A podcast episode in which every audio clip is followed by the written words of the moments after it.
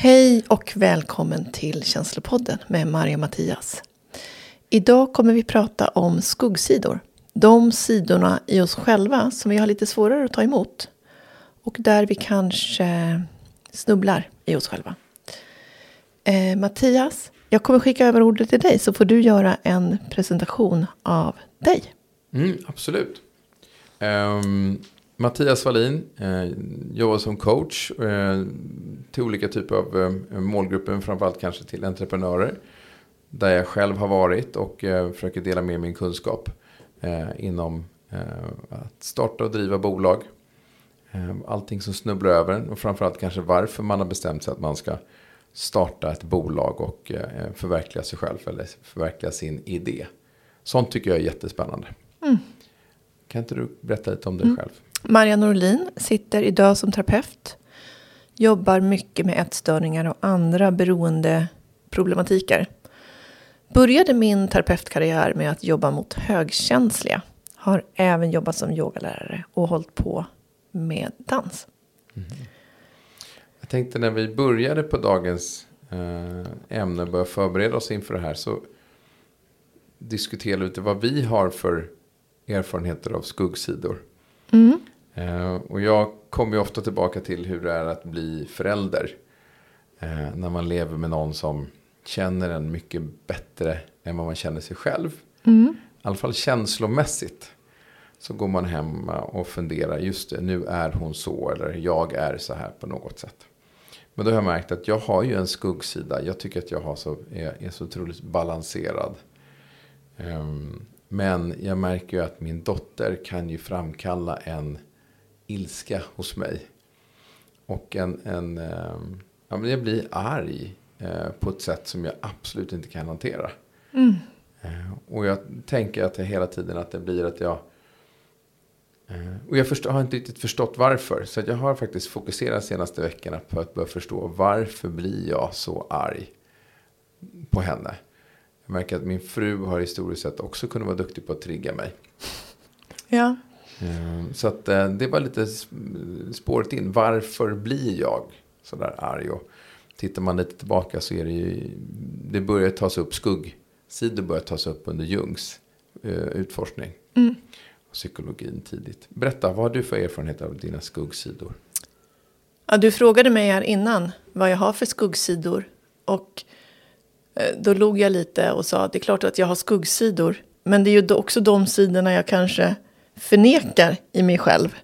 Eh, och det är jag medveten om att jag har sidor som jag förnekar i mig själv. Och då, då var det faktiskt du som sa att du är extremt rädd för att skada dina barn. Mm. Så att jag liksom tassar på tå hit och dit och försöker göra allting rätt. Och där har vi nog en, en skuggsida. Rädslan för att göra fel. Mm. Det är nog en skuggsida. Och, och när vi pratar om det så, så känner jag den här rädslan i kroppen. Att jag verkligen så här, jag vill inte förstöra. Jag vill inte förstöra. För att jag vet hur stort jobb det är när man ska laga igen. Mm. Det går väldigt snabbt att förstöra någonting. Men om du ska laga det så, så tar det tid. Och jag kan säga att jag tror min ilska ligger i exakt samma sak mot min dotter. Det ligger, ligger, ligger i en rädsla. Att jag tror, jag är livrädd för att hon inte ska få, att hon ska gå och göra samma misstag som jag gjorde. Mm. Eller någonting annat. Mm. Så jag märker det, eller jag märker att tänk om du gör det här valet eller bäddar du din säng, då kommer du få en bättre omgivning. Mm. Det kan vara sådana saker och då mm. triggar det mig. Men det, ilskan är ju enorm. Och jag har inte ilskan någon annanstans än just i mitt förhållande till min dotter. Eh, så att det, liksom, det är ett känslopåslag som är liksom överdimensionerat. Mm. Eller så är jag så otroligt lugn och snäll och vänlig i alla andra sammanhang och inte låter min ilska bubbla upp. Men jag ser ju att det här är ju en sida som jag behöver bearbeta. Mm. Det jag blir medveten om när du pratar om det just med ens barn. För det kan jag också känna är väldigt tydligt för mig att i andra sammanhang så blir man ju också respekterad på ett sätt som man inte blir av sina barn. Nej, verkligen. så att Du, får, du kliver in i ett rum med en annan vuxen människa så får ju du tillbaks. Du ger en människa respekt och du får tillbaks respekt. Mm. Det sker ju kanske inte i relation till sina barn på samma sätt. Nej. Och det kan ju väcka massa saker igen. Mm. Och man, där har man ju också sin identitet. Ens identitet förväntar sig någonting. Mm. Och när den inte får det som den förväntar sig, vad är det som drar igång då? Nej, och, du, och då är frågan så här, då är det ju sådana saker som du egentligen kanske inte heller vill, som du tycker att du har dolt så bra i din identitet. Ja, Att jag har ju faktiskt kammat över och sett till att det ser väldigt snyggt och rent ut, att jag har den här profilen. ja. Men eftersom de här underliggande, att du bara tryckt dem åt sidan. Identiteten bygger ju också på att bygga en fasad, en yta. Som du själv kanske trivs med och den du kanske vill vara. Eller ge sken av att vara. Så att jag tänker också att det finns kanske också ett dömande här. Har jag behovet av att bygga den här identiteten så kanske det är någonting annat jag har behov av att trycka undan också. Vi är ju människor. Vi består ju liksom av både ljus och mörker, så att säga. Och det ligger otroligt mycket värderingar i det här samhället. Av hur man ska vara och vem man ska vara. Som också kanske förstärker det här väldigt mycket. Och plötsligt står du där och kan inte använda dig av den här identiteten. Och vad möter du då?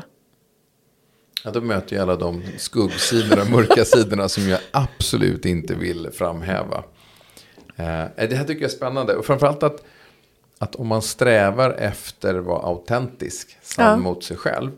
Så måste ju de här mörka sidorna fram också. Då behöver du plocka bort det dömande. Ja. Vilket vi har pratat om tidigare är nog bland de absolut svåraste eh, Ja. uppgifterna att göra. Ta bort sitt dömande. Men jag tänker, gör man det och börjar utforska det. Då har man ju chansen att komma till någon typ av autenticitet. Absolut. Eh, Och jag tror så att de mörka sidorna kanske får finnas kvar. Men man måste kunna hantera dem. Och inte, jag menar om, om din mörka sida är skam. En otrolig en första plats av alla känslor som vi har. Som är ständigt döm, ham- hamnar under dömande. Att den skammen är så stark. Men om du inte tar upp och hanterar den. Och ser att du har mycket skam. Ja, men då kommer du ju liksom vara ganska rädd. Eh, I, i ditt liv. Och är jag rädd då har jag ju ångest. Ja.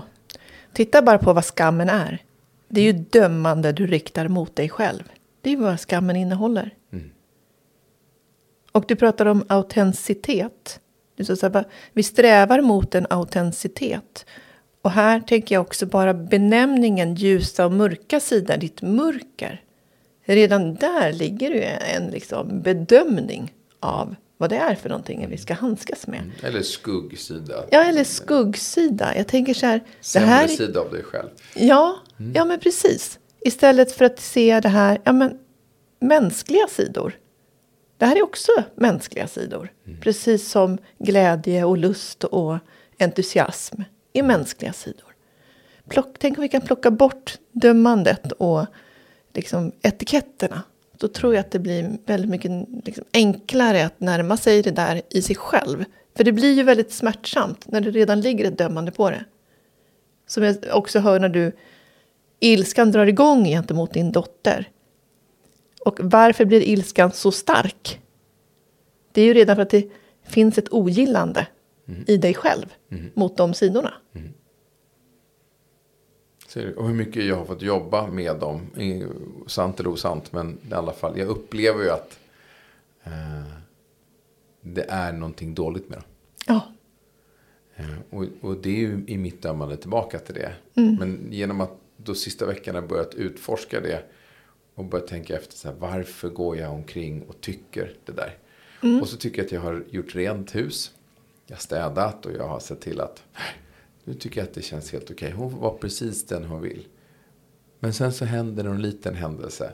Och snap är jag tillbaka till att reagera. Jag försöker verkligen inte visa det. Jag ska jobba med att försöka inte låta känslorna gå över henne. Utan snarare titta på mig. Varför blev jag arg här? Varför reagerar jag som jag gjorde? och vad är det du ser när du tittar på det? Nej men det är ju, det är ju saker hos mig själv som jag inte tycker om. Eh, och som jag absolut inte vill att de ska ärva. Men samtidigt så alla får väl dem. Alltså, det är inte så att det kommer ju inte från mig. Eh, En del av att vara människa. en del att, vara för, vara, att få vara människa. Mm. Ja, men så jag tycker att det här är en...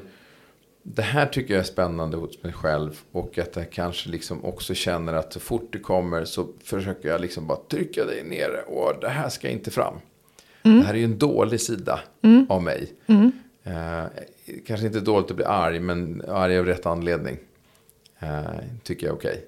Men ofta är man ju arg, arg av fel anledning. Liksom. Egentligen är man arg på sig själv. Ja, man är alltid arg på sig själv. Och så bubblar det ut och sen så tycker man att det är dåligt. Eller så tycker man att det är en väldigt obehaglig känsla. Så går det och förtrycker det hela tiden. Eh, Och då blir det ju en skuggsida, tänker jag. Där skapar vi också skuggan. mm, bra. Hör jag när, när vi pratar om det. Fördömandet finns där. Då blir det en skugga. Och det här, kan jag få hantera det? Och när det dyker upp, kan jag få, kan jag få ha, kan jag be om att få impulskontroll? Så att jag kan se att det kommer upp en sida. Och att se, oh, vänta, det här är en mörk sida av mig själv. Och att jag får hantera den innan den exploderar ut. Kan du benämna den på något annat sätt än mörk sida? Vad skulle det göra någon skillnad? Ja, men alltså, det roligaste är att det blir ju dålig sida. Eller, ja, men det är, inget, det är inte någonting. Eller min... ehm, eh, om jag skulle sätta... Jag, jag kan kalla det för eh, plutten. Alltså jag skulle kunna benämna den till någonting annat. Nu kommer den där pluttekänslan. För jag tycker att känslan är ganska liten. Alltså jag tycker att den är ganska dålig. Och jag tycker att plutten i det här fallet då inte ger... Eh, inte egentligen ska ha det utrymmet den ber om. Nej, och varför inte? Nej, men därför att jag tycker att det har, det har ju med dömande att göra. Jag tycker jag själv att jag, att jag är dålig. Och jag tycker inte att jag ska gå omkring och tycka att jag är dålig. Eh, Jag kan tycka att jag kan förbättra mig själv och att jag upplever att det här är en känsla som jag inte borde få ha plats. Liksom. Eller ta så mycket plats. Och tänk om det är just det det handlar om när du pratar om det. Tänk om den här känslan egentligen behöver otroligt mycket plats. Ja, den behöver ju mycket plats. Tänk om det då den kan liksom bara transformeras bort från den där skuggan in till att få integreras. Men, men du tänker med att den känslan vi pratar om är ju någon som får Kalle Anka att explodera.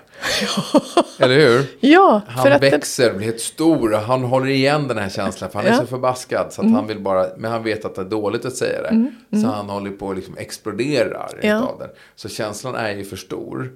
Men det är ju bara för när den kommer så kan du ju inte hantera den. Då exploderar den. Mm. För att du förtrycker den resten av tiden. exakt. Så att om du inte förtrycker den, utan bara vänta nu, nu kommer mitt dömande här, varför gör jag det? Och, och det här, jag tänkte det finns olika perspektiv på den. Eh, Jag stö, stötte också på den här om dagen att den dyker också upp som en eh, till exempel avundsjuka. Att du är avundsjuk, du märker plötsligt att du är avundsjuk på, på Marja. Att hon har den här fantastiska, klara, fina rösten. Och, och kan vara så tydlig i sina, liksom, då börjar jag tycka att nu är jag avundsjuk på dig. Och då börjar också min här känslan börja liksom, jag bör, nu börjar jag liksom trycka till dig lite. Nu försöker jag mobba dig lite. Eh, då börjar, det här beteendet börjar komma någonstans ifrån. För att jag tycker att du är mycket bättre och jag tycker att Du har gjort dig själv sämre. jag gör upp mig själv sämre, precis. Och då har den här avundsjukan dykt upp igen. Eh, och det är väl också ett sånt tillfälle. Jag satt och pratade med en kompis häromkvällen och då fick jag också, jag kände så här, men varför sitter jag här och försöker trycka dit den här personen som delar med sig av sin, ja, jag tycker att den här, henne är mycket bättre än vad jag är på det här. Och då, som vi just nu sa, då är jag just, jag tycker att jag är sämre. Får jag inte vara det då? Jo, det är klart jag får vara sämre på det här. Ja, då känns det okej. Men så länge som jag inte tillät mig själv att vara sämre. Så blev det ju, växte ju en avundsjuka. Ja. Tillåtande. Och jag tycker att det här är någonting man stöter på. Jag, lika ofta som säkert många andra, men jag stöter på det här hela tiden. Eh, Vi har pratat om det förut. Att jag har ett dömande med mig. Liksom, jag reser med ett dömande. eh, Som jag börjar kunna hantera. Men det är tillbaka till, jag tycker att jag själv är sämre på massa saker. Du börjar se det. Du börjar förstå vad det handlar om. Så det behöver liksom inte äta upp dig på samma sätt längre. Nej. Jag satt här idag tidigare med en klient Som är en, eh, ja, han är väl runt 40. Jobbar med film och, och liksom film, producerar film och klipper film. Och är liksom otroligt världsvan för sina 40 år. Han har bott på Manhattan och han har liksom tjänat väldigt mycket pengar. Och han upplevde att när jag pratar med människor i Sverige. Han sa så här, jag har levt så mycket utomlands. Och jag är så van. Jag har bott på liksom många olika ställen och jag har alltid varit ganska framgångsrik och tjänat väldigt mycket pengar. Så han sa så här, jag blev väldigt medveten om att, att jag pratar om det här som någonting som är helt normalt. Och jag ser mig inte som bättre eller för mer. Utan det här, de här valen har jag gjort och det här har jag skapat. Och jag har inget behov av att jämföra mig med någon annan. Men han sa, det blir väldigt ofta ganska tyst i den andra ändan. När jag pratar om hur mycket pengar jag har tjänat. Och när jag pratar om alla olika länder jag har bott i. Och han har bott på Manhattan och han har bott i Florida. Och han har liksom åkt vattenskidor till jobbet. Och det livet han har levt. Mm. Så sa jag att ja, det fin- människor lever med mycket jämförande. Och han bara sa, jag har aldrig förstått det här. Att man måste jämföra sig. Och då blev jag också så medveten om att i hans värld så behöver man inte jämföra sig. Mm. Och- Fantastiskt. Utifrån den platsen så har han ju också lyckats skapa det han har skapat. För att då har, han ju alltid en öppning framåt. Om det inte finns ett jämförande. Behöver jag aldrig vara sämre än någon annan så är det ju bara att kliva på framåt. Jag tänkte, eh, bara spaning på den. Troligen så har han levt väldigt mycket av sin tid i flow. Ja, Att han hela tiden håller på att utvecklas. ja, Att han levt en ständig utveckling. Att han egentligen fokuserar på att vänta nu, det här är lite svårare. Jag kan, nu ska jag göra det. Och jag kan det. Och det i sin tur har genererat, eh, eftersom han har blivit bättre och bättre hela tiden, så har han blivit mer och mer eftertraktad. Och på det sättet har folk betalat och tagit med honom. För att han har liksom varit någon som, han har säkert spridit massa energi också runt omkring sig. Han är en supermjuk, liksom försiktig, väldigt social, eh, omtänksam person. Så jag tror att han har kvaliteter som gör att han funkar med väldigt många människor. Ja, och sen har han ständigt i ett yrke där han har liksom varit nyfiken. Ja, Och, sen kunde, och det är, alltså, så undrar jag ju att alla ska få leva sina liv. Eh, Men jag förstår att han som, eftersom han har levt det livet, att han har svårt då att förstå. Eh, Och, och bli jämförd hela tiden. Jag kan tänka mig att hans omgivning tycker att han skryter och är jättejobbig för att han har haft det så bra. Och förstår han inte att inte alla, alltså det förstår hur, hur att han har haft det runt omkring sig. Intressant där, det är ju inte en skuggsida, men det tar ju fram skuggsidorna hos de andra. det tar fram jättemycket skuggsidor hos andra människor. För de börjar direkt jämföra sig och, och liksom sätta sig själv i en sämre position. Och han blev väldigt medveten om det. Det var bara intressant i det här samtalet att han dök upp som en person som faktiskt inte dömer så mycket. Spännande. Och jag tänkte att du kan ju, om vi lyssnar tillbaka på det här samtalet så kan man reflektera att jag behövde förstå honom och eh, se hans alla egenskaper. För att jag typ inte skulle utveckla en avundsjuka för att han åkt vattenskidor till jobbet. Du är också en sån person i och för sig som skulle kunna göra så. Ja, absolut. Jag har åkt vattenskidor till jobbet också. Men är, man blir alltid avundsjuk på andra som har gjort det. Så för, Man tror att de har det lite, lite härligare. Ja, men undrar om han gjorde det nyligen eller om det var länge sedan. Och så börjar man liksom. Nej, jag lever verkligen ett, ett fantastiskt liv. Jag ser inte själv alltid bara. Så att jag Nej. ehm, behöver ta till mig det också. Men du, jag tänkte så här. Man, ibland så stöker man ju, så, så eh, möter jag ju människor som är till exempel perfektionister. Tyckte också var ganska spännande att vi har tagit upp ilska. En annan, men en annan typ av är perfektionismen dyker upp. Då, det är det sträva att alltid göra ting eh, perfekt. Ja. Och det intressanta då att den kan ju underbyggas av en rädsla för att misslyckas. Att vara otillräcklig. Eh, Att det värsta som kan för en sån person det är ju att bli påkommen helst av sig själv då. då. Eh, Att jag inte är.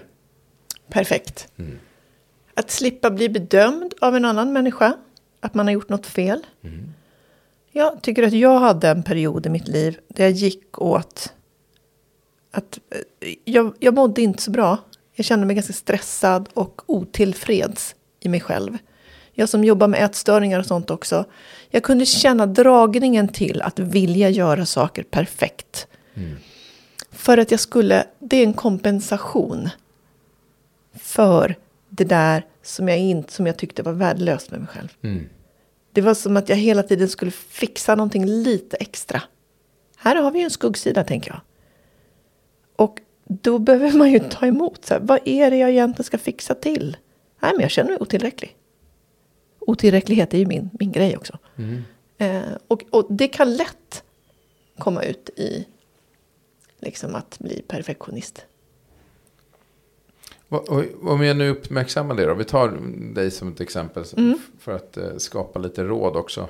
Eh, om jag nu uppmärksammar att jag, när jag utforskar mig själv så ser jag så här, oj jag har väldigt stark sida hos mig själv som, eh, som jag har, som en duktig flicka. Och som är kanske en perfektionism. Mm. Eh, hur skulle du hantera den? Om du nu har uppmärksammat att det här vill jag kanske inte leva med. För att den har ju baksidor som är mörka och jobbiga. Mm. Tycker inte speciellt bra om mig själv när jag ska in i nya områden. För att då kan jag aldrig vara perfekt. Nej, det är, ju, det är ju rädsla verkligen det bygger på. Rädsla för att bli påkommen. Rädsla för att kanske känna sig som att... Det finns ju många som lever med rädsla för att så här, bli påkommen. Av att man inte kan något eller är någon överhuvudtaget. Och, och då vill man ju bara springa snabbare och bli ännu perfektare. Men nu går inte det. Nu måste du komma på ett annat råd Ja. än att bli ännu mer perfekt. Ja, det var bara för att förtydliga. Ehm, det här igen, som vi brukar vara råden, men eh, du behöver våga se det här. Du behöver våga se vad det är du liksom försöker, vilken skuggsida som ligger bakom här. Oj, oj, oj. Jag känner mig så otroligt operfekt egentligen. Alltså drar någonting extremt åt det ena hållet så drar någonting extremt åt det andra hållet också. Det kan man ju nog räkna med, tänker jag. Det är som med, med bara för att också så med en diagnos. Har du liksom, säg autism och Asperger så kanske du kan hela te telefonkatalogen utan till. Men du behöver titta i andra ändan. Då kanske det är det sociala livet som inte fungerar. Och det är samma sak här tänker jag i ett annat perspektiv. Att är det någonting som drar extremt åt ena hållet så är det något som drar åt andra hållet också. Och att börja titta på, vill jag springa väldigt mycket i en riktning? Vad är det jag vill springa ifrån? Och där har vi väl skuggsidan då. Vad är det som är smärtsamt i mig? Vad är det jag inte vill möta? Vad är det jag inte vill vara? Och så här, börj, se om du kan börja sätta ord på det. Skammen, har jag lagt så mycket dömande på mig själv här? Så att jag måste fly från det. Jag tänker att det är också ett, det är det är ett helt nytt vokabulär. Att börja hantera sina känslor. Ja, verkligen. Och det kräver så otroligt mycket mod. Nej, men du menar bara man sätter ord på någonting. Ja, Så man förstår det. ja, Och då kan man ju vara modig. Men så länge som man inte kan förstå. Eller ens förstår, får hitta ord på det här. Då, Och då är man ju rädd. fast. Ja, du är fast och rädd. Och att också när du börjar formulera i dig själv så kommer det antagligen börja kännas mer. Och det är ju det. Då kan det vara fint att ha stöd i den processen. Ska du, för då innebär det ju också att jag behöver börja ta emot det här som jag har förtryckt. Det gör ont. Det är en liksom smärtsam och sårbar process. Lyckas du göra det, få det stödet du behöver och lyckas du liksom faktiskt börja möta här så kan du faktiskt ta dig verkligen vidare till en mycket mer mjuk och snäll plats i dig själv. Jag tänkte vi avslutar där idag. Mm. Och också säger så här, det är ju en av syftena med Känslopodden. Att vi ska försöka öppna upp lite sådana här dörrar. Mm. Skapa möjligheter, skapa möjligheter att känna sina känslor. Att faktiskt få upptäcka att det inte är så farligt. Eh, Genom våra samtal skapa möjligheter för er. Så vi är ju också jättenyfikna över saker och ting ni, vi, ni vill att vi tar upp. Eh, är vi inte proffs på det så ger vi det en chans i alla fall. Tycker de att lyssna på oss så kommer vi hantera det och utforska det så mycket som möjligt. Mm. Eh, för att skapa möjligheter för er. Så att eh, ett anonymt mail eller sms eller någonting annat som säger att jag skulle jättegärna att ni utforskar det här. Eh, är vi jättenyfikna för och lyhörda till. Ja.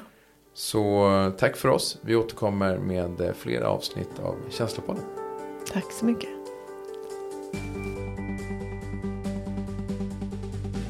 Tack för att du har lyssnat på Känslopodden. Vill du komma i kontakt med oss, mejla på känslopodden gmail.com.